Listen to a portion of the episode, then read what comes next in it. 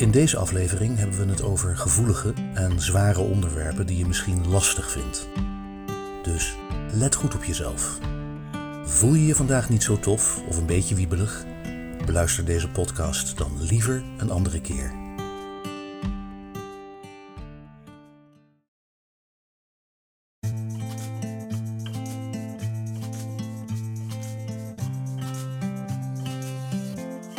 Dit is een podcast over schaamte en taboes. Over intimiteit en verbinding. Over plezier en inspiratie. Over geestelijke gezondheid, over struggles. Ik praat over al die dingen omdat ze belangrijk zijn. En ik wil er met jou over praten omdat jij belangrijk bent. Ik ben Kiara en dit is Kiara Kletst. Vandaag zit ik hier met tafelheer en gast Martijn om te praten over Ik ben totaal gestoord. Wat nu?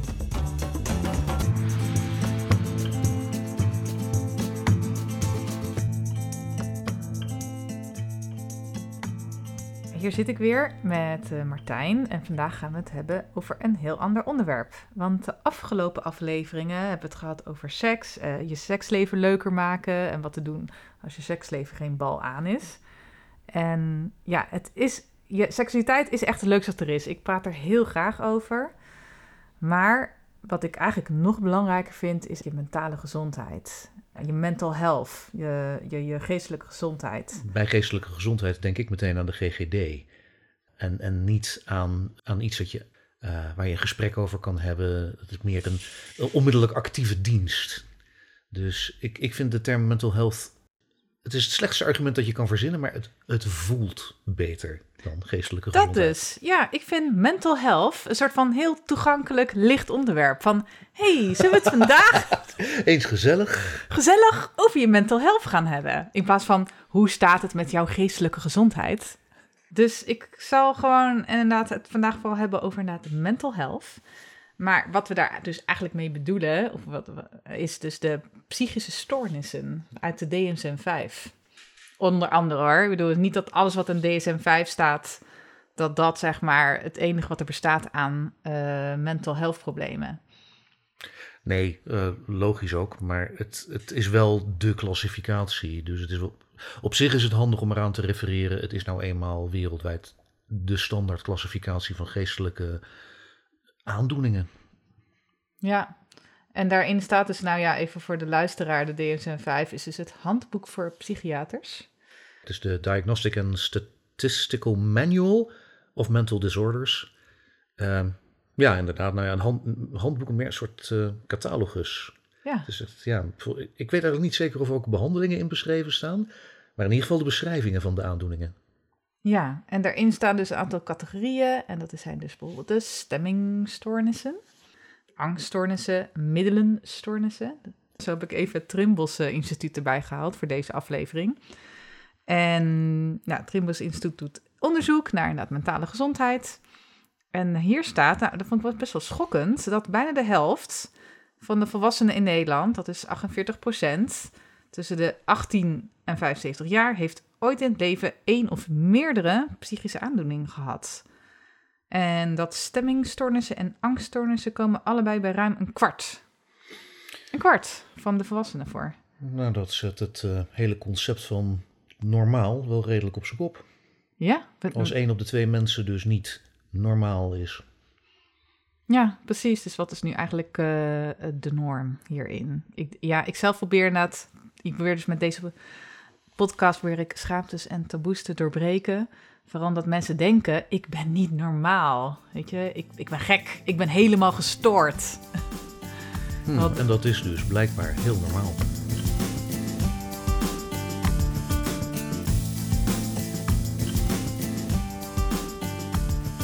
Ja, ik geloof dat heel veel mensen heel erg gestoord zijn. En ik wil het vandaag eigenlijk inderdaad gaan hebben over uh, hoe gestoord ben jij, is de vraag. En die vraag wil ik als eerste aan jou stellen, Martijn. Hoe gestoord ben jij? Ik vind het heel lastig om, terwijl ik dus absoluut onder de DSM val, um, al is het alleen maar met een, een vrij late ADHD-diagnose. Ik vind het heel lastig om aan de term gestoord te committeren. Al is het dus alleen maar omdat één op de twee, dan kan je toch niet meer zeggen dat het een afwijking is. Dat is gewoon de andere helft. Maar als we de, de kort door de bocht definitie nemen, uh, als in als je onder de DSM valt, dan is er dus een stoornis, ben je dus gestoord. Ja, dan kom ik een heel eind. Ik noemde de, de, de ADHD-diagnose al. Uh, maar dat was eigenlijk een beetje het, het kerstje op de taart. Uh, ik ben al zo lang als ik me kan herinneren uh, depressief. En ook niet, nou, niet, niet een beetje, maar persistent depressief. Dat was vroeger ook nog een aparte klassificatie. Het, het gaat niet over. het, ik, ik heb stapels therapieën geprobeerd, ik heb stapels pillen geprobeerd. Met name veel van de therapieën brengen heel veel nuttige instrumenten, heel veel goede inzichten. Waar ik ook echt wel, hou ik me aan vast, dingen van geleerd heb en nog steeds dingen mee probeer te doen. Medicatie is een iets ander verhaal, maar laten we daar later op terugkomen. Maar het blijft dus. En ik zit nu sinds, ik vermoed al meer dan een jaar, maar um, gediagnosticeerd ongeveer vijf, zes maanden uh, weer in een heel diep dal. Waarvoor ik na daarvoor net een jaar uit, uit een lange, lange therapie te zijn gekomen, uh, weer een nieuwe therapievorm ben aangegaan. Om te kijken of dit, ja, ik durf, niet, ik durf niet eens meer te zeggen of dit dan de doorbraak of de oplossing gaat zijn, maar meer wat dit gaat, wat dit gaat helpen om dat fundament wat steviger te krijgen. Ja, dus, uh, dus hoe, uit, hoe uitzicht eigenlijk ja, een depressie bij jou? Of hoe uitzicht die? Wat, wat zien, wat merken mensen aan je? Ik denk niet, eerlijk gezegd, dat mensen heel veel merken. Ik heb een hele lieve buurvrouw, aan wie ik het onlangs heb verteld, die oprecht verbaasd reageerde en zei: Hè? Maar als ik je voorbij zie lopen, dan denk ik altijd: Oh, daar loopt, daar loopt die leuke, vrolijke buurman. Ja, maar zo ken ik jou ook wel eigenlijk. Je bent altijd je doet heel vrolijk en je komt altijd heel, ja. Ja, en ik denk dat we hier behoorlijk op het terrein van de schaamte en de taboe komen. Weet je, ik, ik geloof echt niet meer dat depressie aan zich een taboe is. Um, het, is het, is het is te bekend. We hebben er meer dan genoeg over geschreven, we hebben er meer dan genoeg over gelezen. Je kunt geen tijdschrift erover openslaan. Er zijn stapels podcasts over, er zijn stapels YouTube-filmpjes. Social media heeft ontzettend geholpen met dit, dit openbreken. Um, maar dit is als, als ziekte, als aandoening, is het niet meer iets wat mensen eng vinden of raar of niet begrijpen. Dus daar zit, daar zit de pijn niet. De schaamte, de schaamte zit hem met name in hoe en ik, ik kan alleen voor mezelf spreken, uiteraard. Uh, maar ik vermoed dat, dat meerdere mensen dat hebben uit de gesprekken die ik gevoerd heb. De schaamte zit hem er voornamelijk in dat je voortdurend het gevoel hebt eigenlijk net niet, of zelfs helemaal niet, mee te kunnen komen met wat er verwacht wordt. Of die verwachting realistisch is, laat ik even helemaal in het midden. Maar er zit een gedachte een gevoel, een drive, een drang, een dwang. Je wordt geacht je leven op deze manier in te richten. Uh, en dat betekent, uh, je, uh, om een heel stom voorbeeld te geven, naar feestjes gaan is leuk. Ja, dat is, dat is echt best, dat is best wel een grote overtuiging of soort van dat, dat moet, moet iedereen maar leuk vinden. Van oh, feestjes zijn leuk. Ja. Naar mensen naartoe gaan zijn leuk, social gatherings zijn leuk. Dat. Ja. We beginnen heel langzaam wat meer te begrijpen dat uh, introverte mensen daar iets minder mee hebben. Ik denk niet dat het heel erg bekend of heel erg duidelijk is wat een absolute nachtmerrie feestjes of sociale gelegenheden voor mensen zijn die in een depressieve periode, episode zitten. Maar goed. Maar heb je daar dan in zo'n periode dus meer last van? Of dan, want hoe maak je bij jezelf eigenlijk van oh, ik zit weer in een depressieve periode. Waar, waar, waar begint het mee? Wel, welke, nu terugkijken, denk je, zegt nu zes maanden, dus... Oh, die is heel simpel. Op het moment dat ik de, de deuren dichtgooi, uh, dat is de allereerste rode vlag die omhoog gaat met, oh, we zijn er weer.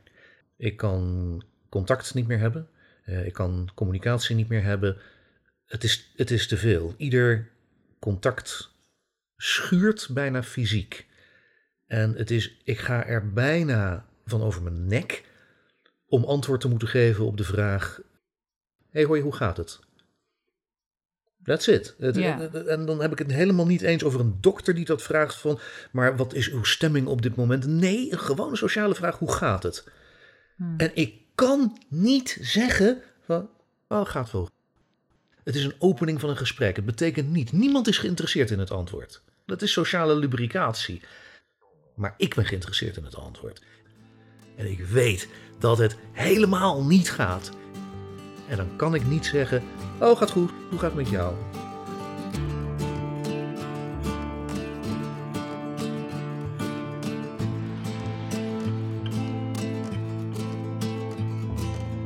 Of op het moment dat je niet jezelf, dat ik mezelf niet in het middelpunt van de belangstelling wil zetten met kijk mij eens depressief zijn, dan is mijn enige uitweg om alles veel mooier te maken dan het is. Of zodanig de aandacht af te leiden met allerlei leuke anekdotes, eh, eh, gezellige verhalen, dat mensen afgeleid worden van de vraag, maar hoe gaat het? Dus dan voer je eigenlijk een soort toneelstukje op. Om Oh, mensen, ja. ja. En ik heb me jaren, decennia lang afgevraagd waarom ik toch na elk feestje zo moe was. Zo raar uitgeput was ik. Nou, ja. ik was aan het werk. Ik was heel hard aan het werk. Je was het eigenlijk gewoon heel hard aan het, aan het maskeren. Ja. En zodat mensen er maar niet achter kwamen eigenlijk hoe depressief je was. Ja, klopt. Ja. Want daar zit de schaamte. Zelfs tot op dit moment, en ik zou beter moeten weten. En ik weet ook beter, maar ik voel niet beter. Voelt het als een zwaktebod. Als, terwijl je aan mij, je ziet niks aan mij. Ik zit niet in een rolstoel. Ik, ik heb al mijn ledematen nog. Het voelt alsof ik moet toegeven, ik kan niet meekomen. En ik wil het wel. Dat is het. Ik heb, ik heb er geen vrede mee dat ik niet kan meekomen. Ik wil heel graag aan die, al dan niet bedachte, norm voldoen. Maar je voelt alsof je eigenlijk een soort van hele zware handicap hebt. Maar het is een soort van onzichtbaar. Het is, ja, dit is, dit is een van de grootste vloeken van een, een, een mentale of geestelijke aandoening. Je, je ziet het niet. Het is een intern construct. Het is, het is van binnen kapot. Ja. Maar niemand ziet je strompelen. Niemand ziet je, niemand ziet je moeite hebben met de trap oplopen. En om de sojemieter ziet niemand me huilen. Want dat, dat, dat doe ik binnen als de gordijnen dicht zijn. Je helpt niet waar mensen bij zijn. Nee,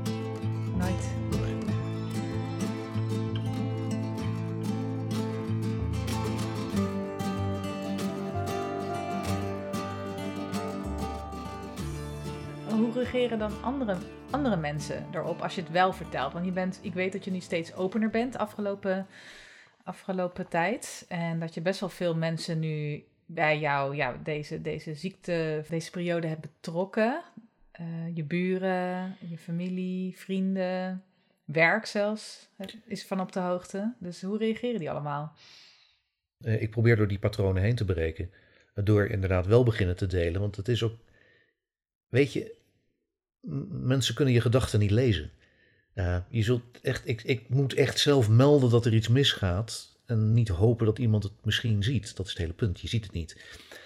En het intens opvallende is dat met hier en daar een heel kleine uitzondering van mensen die het gewoon. voor wie het zo ver van hun bed is dat ze het niet kunnen begrijpen. wordt er eigenlijk ontzettend lief, begripvol, empathisch. Ja, en, toch één op twee, sympathisch. Hm? En toch die één op de twee mensen die dat, wel, die dat ook misschien een keer, een keer hebben. Ja, dat en wat Ja. ik al zei, het, het is niet meer dat de ziekte zelf eng is. Op het moment dat je de term depressie noemt, ik, ik denk oprecht niet dat iemand je in de ogen kan kijken en zeggen van, ah, ik ken helemaal niemand die dat ooit gehad heeft. Er is, er is een persoonlijke link mee. Mensen die het niet hebben, kennen wel iemand die het heeft. Of hebben er op een andere manier ervaring mee. En dat is iets wat ik, wat ik gewoon niet. Dat ben ik niet gewend. Ben ik ook niet mee opgegroeid. Ik zit nog steeds heel erg met het idee dat dat iets is waar ik me voor moet schamen. Ja, is dat eh, zeg maar wat de overtuiging die je uit je jeugd hebt meegekregen? Of de Ja. boodschap van, van zeg maar toen je opgroeide? Toen ik voor de eerste keer officieel het, ehm, het, het labeltje kreeg, ik was uh, 17 of 18, herinner ik me dat, uh, dat was op zich super lief en, en, en heel meedenkend. En dat was echt vanuit de beste bedoelingen dat mijn vader probeerde mee te denken hoe ik dit kon uh, op, een, op, een, op een andere manier kon verwoorden. Um, zodat mijn cv er niet door bezoedeld zou worden. Omdat het, nou ja, het, het, ik zou zeker op dat moment al een jaar therapie moeten gaan volgen. En hij zat dus met, ja, misschien, misschien kun je vermelden dat je, dat je cursussen doet bij de, bij de GGZ. En ik moest op dat moment al zo vreselijk lachen. Ik vond het zo lief van hem, maar het was zo naïef. Je doet, je doet geen cursussen bij de GGZ. Maar hij probeerde gewoon wel echt jouw tips te geven? Hij van... probeerde echt mij tips te geven van hoe kun je dit ja. Ja, verbergen, verbergen, verhullen. En hoe kun je hier een draai aan geven dat het nog goed klinkt. Precies, want je had niet je been gebroken. Dus nee. ja, hoe, hoe, moet je dit in godsnaam verkopen laten Precies. Je bent een jaar gewoon... Ja, uit de relatie geweest. Uit de relatie. Je kan niet zeggen jaar depressief geweest of jaar ziek. Ondenkbaar. Nee, nee dat was nee. niet in vragen. Ja. Ik heb het ook nooit geprobeerd, dus ik, ik kan het alleen maar, ik, ik kan alleen maar vanuit die overgeërfde angst spreken. Maar er werd toen ook echt weinig over gesproken. Als er over depressie werd gesproken, dan was het met heel ernstige gezichten aan heel serieuze, hoe die dingen, avondtalkshow tafels. En als het al in de krant of in een, in een tijdschrift kwam, dan was het niet op zijn uh, Linda's of libelles met van hier zijn de tips en tricks om het toch een beetje leuk te maken. Nee, dit was heel, heel serieus. Dus ik ben daar echt, ik ben daar heel bang voor geweest. En ik heb het nooit durven, door, durven toetsen. Door het gewoon eens tegen een, een potentiële werkgever te zeggen van ja, nee, klopt. Ik, uh, ik heb toen een jaartje therapie gevolgd. Nee, geen haar op mijn hoofd.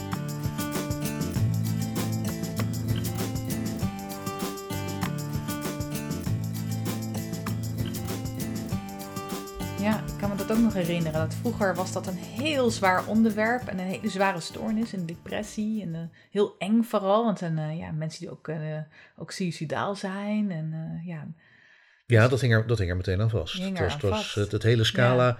was, viel, viel onder één noemertje, depressie. Nou, dat is alles. Was jij suicidaal? Um, voor mij gold hij dus. Ja, voor mij was het label redelijk correct. Ja. Ja. Ik heb... Er is een, een, een, aantal punten geweest dat ik heel actief suicidaal ben geweest. Het is zodanig serieus en actief serieus dat ik daar ook. Um, ik heb dat nu, nu gericht voor de eerste keer aangegeven bij therapie. Dat het een gedachte is waarvan ik denk dat ik hem niet meer onder controle heb. En ik weet niet of het waar is, of er iets veranderd is. En ik denk het niet. Ik denk dat ik het nooit onder controle heb gehad. Maar goed, tot nu toe heb ik altijd het idee gehad: ja, dat, dat kan ik inzetten. En als ik het echt niet meer red, nou, dan maak ik gewoon dat, dan, dan neem ik dat besluit. En dat is een rationeel besluit. En ik, ik weet nu niet meer zeker of dat nog klopt. Dus ja, ik, uh, teruggaand naar je, naar je oorspronkelijke vraag. Het labeltje voor mij klopte dus helaas. Nou ja, helaas, klopte wel helemaal. Alles wat iedereen kon verzinnen, ja, dat, dat had ik. Maar zou het inderdaad altijd samenhangen? Depressie en suicidaliteit? Nee. Nee, uh, god, nou ja, ik zeg heel hard nee. Maar wat ik ervan weet is... Weet je, in Nederland volgens de laatste cijfers uit 2018 uit mijn hoofd... Um, één op de vier mensen depressief geweest of depressieve episode gehad. Heeft ermee te maken gehad. Eén op de tien mensen heeft aangegeven wel eens suïcidale gedachten te hebben gehad. En een kwart daarvan heeft aangegeven dat ze daar wel eens op geacteerd hebben. Ja, dus een poging gedaan. Een, echt een, een, een poging ja. gedaan. En ja. omdat even, want dat zijn heel abstracte cijfers. We hebben het over uh, ongeveer 400 20.000 man in totaal. Dat klinkt heel veel. Maar als ik nou zeg, dat is twee keer de bevolking van Tilburg, die wel eens een poging heeft gedaan tot zelfmoord. Dat is best wel veel mensen. eh, ik, ik word daar wel vrij stil van. Ja, ja. Ik, ik geloof volgens mij dat depressie gewoon en, en sowieso uh, mentale stoornissen echt gewoon de, nu de grootste epidemie zijn. Dat we er nu zoveel last van hebben. Dat we eigenlijk leven in een, gestoorde samenleving, denk ik soms. Zou kunnen. Ehm, ik weet het eerlijk gezegd niet. Net als met ADHD. Uh, eh, er is een tijdje zo'n wat modieuze roep geweest van uh, iedereen heeft tegenwoordig maar ADHD. Maar de waarheid was stomweg dat onze instrumenten en onze metingen zijn zodanig veel beter geworden dat we het gewoon vaker opmerkten. Het is niet dat het er meer is, maar we zien het nu, we herkennen het. En ik vraag me af of dat bij depressie ook het geval is. Ik zeg niet dat je ongelijk hebt hoor. Misschien is er iets systemisch, iets sociaals dat depressie in de hand werkt. Maar ik, ik zou het niet weten. Ik merk alleen maar, het is geen klein ding. Het is, we zijn geen uitzondering. Nee, zeker niet. Ja, en daarom is het goed dat we hierover praten, gewoon vrij uit. Want dat is wat ik om me heen merk, dat zoveel mensen inderdaad in eenzaamheid lijden. Dat ik gewoon vrienden die echt, echt van, ik dacht van, nou, die staan dicht bij me. Uh, kennissen, mensen, uh, collega's, dat die gewoon kampen met gewoon uh, heel veel stress, crisis, ehm, mentale stoornissen. En dat ze gewoon heel lang dat gewoon, ja, geheim houden. Gewoon echt zich daar kapot voor schamen. Dat ze zo inderdaad, ja, ze zien het dan als een soort zwakte. Van ja, ik ben zwak en mensen mogen me niet zo zien. En, ik wil nog een keer benadrukken dat het, uh, dit is geen, geen kip en het ei ding. Het is een zichzelf versterkend mechaniek. Ik ben er niet stil over. Ik praat er niet over omdat ik bang ben dat het niet geaccepteerd wordt of, of dat ik het zelf een taboe vind. Ik praat er niet over omdat een onderdeel van de depressie is dat het bijna een, een Herculeaanse taak is om überhaupt met iemand te praten, laat staan om hulp te vragen. Het is, het is, niet, het, is bijna onbeschrijfelijk voor iemand die het niet kent. In alle liefde, ik heb heel veel mensen om me heen. Dan zeggen ja, maar bel me gewoon. Hier, de telefoon staat naast je. En ieder moment, dag en nacht. En ze menen, ik weet dat ze het menen. En het lukt me niet. Ik kan het niet. Ik kan het niet. Het is alsof ik fysiek verlamd ben. En ik ben het niet, maar het lukt me niet. Ja, precies dit wat jij beschrijft. Ik heb dat ook heel lang niet begrepen. Van waarom, waarom lukt het niet, inderdaad, om gewoon even te bellen. En toen heb ik een boek gelezen. Uh, ga gewoon wat leuks doen. Ja, van uh, Afke Romein. En daarin stond precies dit, wat jij nu zegt, helemaal uitgelegd van hoe dat precies werkt. Dan dat je gewoon echt fysiek gewoon verlamd bent. Dat het gewoon niet lukt om uit bed te komen, om te gaan werken, om te gaan eten. In haar, geval was het gewoon zelfs gewoon een boterham maken en, en, en die stuk in haar mond stoppen. Het lukte gewoon niet. Ze moest gewoon gevoerd worden door haar man en, die, en, en al haar vrienden. En die trokken haar dan zeg maar door zo'n depressieve periode heen. En toen ik het zo las en toen pas dacht ik, oh wacht, ja, het lukt gewoon echt niet. En dat is inderdaad, denk ik, voor heel veel mensen bijna niet voor te stellen. Nou ja, en stel je daar dan de schaamte bij voor. De, ik, ik heb heel veel te gekregen in, nou, ook wel in irritatie. Van, ja maar joh, herpak je nou eens. Herneem je gewoon. Man up. Doe niet zo lui. Ook een hele bekende. En ik heb dat altijd voor, voor waarheid aangenomen. Ik was er nou, nog, eigenlijk nog steeds wel, zo diep zit het, van overtuigd dat ik niet mijn beste beentje aan het voorzetten ben. Dat ik, dat ik meer kan doen. Belangrijk dat ik meer moet doen. Ja, ga gewoon het leuks doen. Ga. Precies, zo ingewikkeld is het toch niet? Gewoon, zoek gewoon een hobby. Weet je? Vind, vind een leuke vriendin. Ga naar buiten. Ga, ga maar lekker naar buiten. Zon schijnt. Ja. Ja. Ja, irritant hè, als mensen dat zeggen. Nee, het is heel, het is intens pijnlijk. Ja, pijnlijk. Dat is echt, dat is heel moeilijk. Ook omdat, omdat ik er niet oprecht, ik kan er niet, niet boos om worden. Het is gemeend, want dat is hoe de andere helft met het leven omgaat. Je voelt je een beetje, je voelt je kut, en dan, dan ga je iets leuks doen. Je, je hebt slecht geslapen, dan ga je even naar buiten. Je stopt je hoofd onder de kraan. Lekker man. En dat is awesome. Ik zou dat. Ik, ja, ik zou dat heel graag. Ik zou dat heel graag willen. Dat het, dat het voor mij zo zou werken. En misschien nog meer dat ik de juiste woorden zou kunnen vinden om duidelijk te kunnen maken aan mensen die het niet begrijpen waarom het voor mij niet werkt. Maar ik, ik ben heel bang dat als je het niet geleefd hebt, dat je dat dan niet zult begrijpen. En ik, ik hoop zo ontzettend oprecht dat zo min mogelijk mensen dit gaan leven. Of dit weet je, kom maar, kom maar lekker met je. eh, ik vind het prima. Eh, zeg maar gewoon, steek je kop onder de kraan, ga lekker naar buiten. Eh, dat betekent dat je, het, dat je het niet gevoeld hebt. Dat je dit niet gevoeld hebt. En dat is awesome. Dat is echt, daar ben ik heel blij mee. Ja, dus aan de ene kant zou je wel willen dat, dat mensen het begrijpen, maar dan zou je het eigenlijk zelf moeten hebben doorgemaakt. Ja, precies. En Dus terwijl ik het zei, was ik, al, was ik al aan de andere kant op aan het schakelen. Nee, nee, nee, begrijp het maar niet. Begrijp het in godsnaam niet.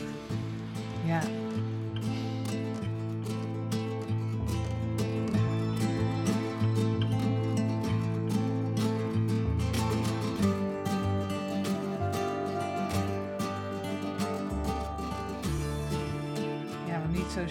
denk ik, oh ja, maar ik heb ook zo'n periode gehad. En ik heb het heel ver weggestopt.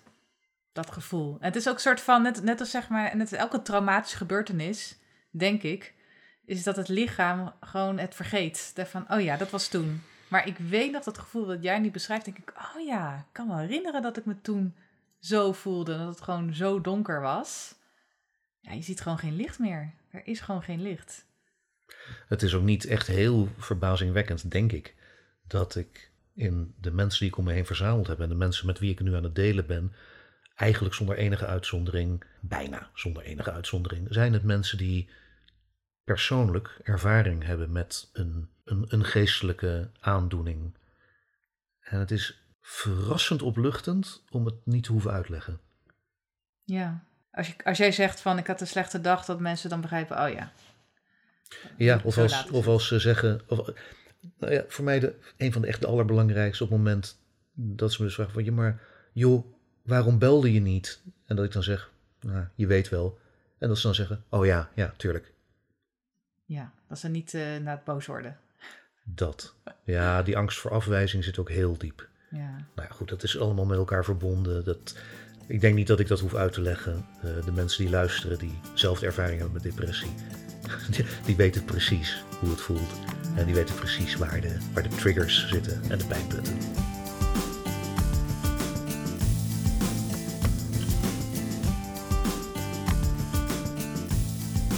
Maar je zit nu dus eh, weer ziek thuis sinds een paar maanden. Je- Ja, en ook dat zit me intent. Ja, over, over schaamte gesproken, ook dat zit me dus ontzettend dwars. Ja, dat je Want dus... ik kom dus niet mee in de vaart der volkeren. Ik doe, ik, doe, ik doe weer even niet mee. Ik val weer uit. Martijn de Brekenbeen. Dus je bent heel hard voor jezelf, Dat, dat zeggen ze, ja. zeggen ze. Ja. Dus je zit sinds december zit je weer thuis en Ja. je bent dus begonnen aan een nieuwe therapievorm. Ja, RTMS. Ehm, ik heb in het verleden bijna, nee niet bijna, eh, alleen maar cognitieve therapieën gedaan, eh, praattherapieën. En dit was de eerste keer dat, er, eh, dat de suggestie werd gedaan van laten we het eens van de fysieke kant, aan, aan de fysieke kant aanpakken. Even afgezien van medicatie, dat is meer chemisch. Maar RTMS, het staat voor, en ja, ik lees dit voor, want ik herinner het me nooit, repetitieve transcraniële magnetische stimulatie. Ehm, ze vuren magnetische pulsen af op je brein, op je frontale kwap om precies te zijn. Wat uitgevonden is, is dat depressie gepaard gaat met een overactiviteit aan de rechterkant van de frontale kwap van je brein. Dus zeg maar bij je, dus bij je rechterslaap. En bij je linkerslaap een gebrek aan activiteit. Oké, dus wacht even, rechts is dus overactief. Ja, daar, daar vuren meer neuronen. En bij links juist veel minder. Er is stomweg minder hersenactiviteit in, die, in, in, die delen, in dat deel van de frontale kwap. En daar, schijnt het, daar is een één op één link blijkbaar met depressie. Als je depressief bent, dan is dat wat er geconstateerd wordt in de frontale kwap.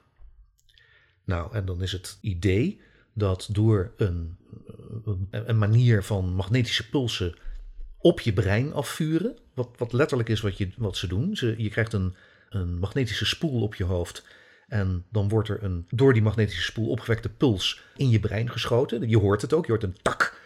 En nou ja, je voelt het ook heel erg. Het is geen elektroshocktherapie, maar het voelt een beetje alsof je toch je vinger in, het, in een uh, open stopcontact steekt. Uh, twee draden tegelijk aanraakt. Maar sta je dan gewoon onder stroom? Want zo klinkt het dan. Nee, je staat niet onder stroom, want dat zou continu zijn. Maar het is echt, het, je, krijgt een, je krijgt een schok. Die vergelijking is de beste die je kan maken. Uh, je hebt een plus- en een minpool die open liggen. En je raakt ze allebei tegelijkertijd met je vinger aan. Tak, auw. hoeveel pijn doet het? Precies dat, auw. Je, je, je schrikt, het is onaangenaam. Het is, het is, het is, ja, natuurlijk is het pijnlijk, maar het is niet ondraaglijk. Dat is een klein beetje lastig uit te leggen, omdat niet iedere keer met dezelfde intensiteit gewerkt wordt. En als het op de laagste intensiteit is, wat van allerlei factoren afhankelijk is, maar dat, dat doet er even niet toe voor het verhaal, dan, dan voelt het niet als gek veel meer dan wanneer je met een koude metalen vulpen een beetje stevig tegen je hoofd aan het tikken bent. Alsof je echt geconcentreerd bent en zo tik, tik, tik tegen je hoofd aan het doen bent. Als het een hoge intensiteit is, ja, dan kan het echt wel voelen alsof er een, een, een, een soort koude metalen staaf door je hoofd gedrukt wordt. Oeh, lijkt me echt heel onprettig. Het is intens onprettig. Ik, ik, ik, ik heb daar wel gezeten, vooral in het begin. Je raakt eraan gewend, dus bizar genoeg, had ik nooit gedacht. Uh, maar vooral in het begin, ze hadden iets wat optimistisch gezegd van, ja, dat, dat, dan, dan onderga je dat protocol en in, tegelijkertijd proberen we ook wat therapeutische gesprekken te hebben. Nou, die eerste keer kwam er echt geen woord uit hoor, alleen maar een soort op kaken klemmende. Dat was echt, dit, ja, ik heb het huilend van de pijn. Het echt, echt afschuwelijk. Want wat ik volgens mij nog niet had gezegd, het is niet een enkele schok. Je zit 20 minuten lang met de stimulatie op de rechterkant. Krijg je om de seconde zo'n shock dat. Daar wen je bizar snel aan, omdat er zo'n duidelijk ritme in zit, vermoed ik. Dus die eerste paar keer is echt van. Heel pijnlijk, is heel naar. En daarna is het meer van: oh, wacht even, ja, ik kan dit hebben. Ik, ik, ik val in het ritme. Die linkerkant is wat ik de mitrailleur noem. Daar schieten ze uit mijn hoofd 20 of 40 puls af binnen een paar seconden. En daarna is het een seconde of acht rust en daarna weer. Dus dat is niet tak, tak, tak, dat is. En dan op het moment dat je. What the fuck? Oh mijn god, hoe. hoe oh, het is voor mij. Dus je, je, kunt je er ook niet op voorbereiden. En dat is een killer.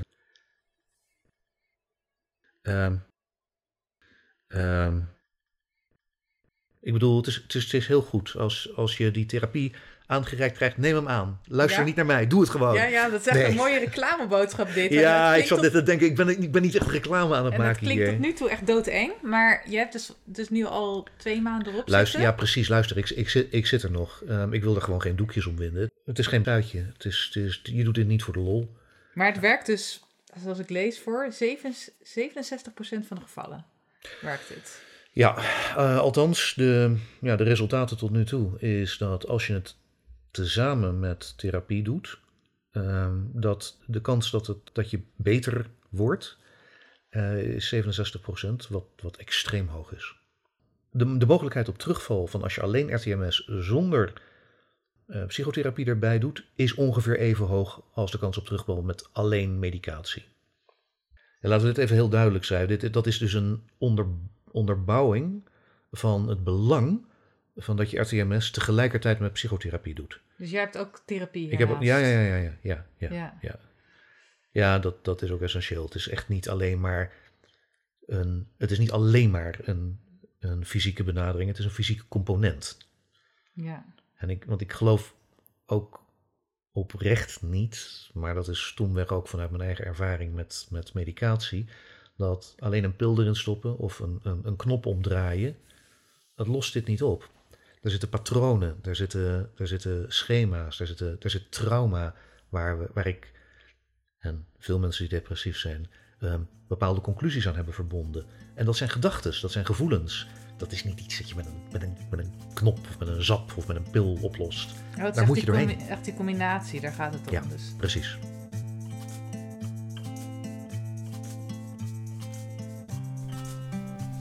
Het gesprek over depressie ging nog verder. We hebben nog over mijn eigen struggles gepraat, over alternatieve therapieën en nog veel meer. Maar dat hoor je over twee weken in de volgende aflevering van Kiara Kletst. Ik ben totaal gestoord. In de show notes vind je onder andere meer informatie over de RTMS-therapie waar we het over hebben gehad. Volg Kiara Klets op Spotify door ons toe te voegen aan jouw Spotify-bibliotheek. En dan zie je vanzelf wanneer we weer een aflevering online hebben. En als je ons beluistert op Apple iTunes, geef ons ook wat sterren, schrijf iets leuks en volg ons. Als je dat leuk vindt of niet, moet je lekker zelf weten. Wil je meepraten over schaamtes, taboes, intimiteit, seksualiteit, jouw mental health, jouw struggles? E-mail ons dan op kiarakletst.gmail.com. Tot de volgende keer.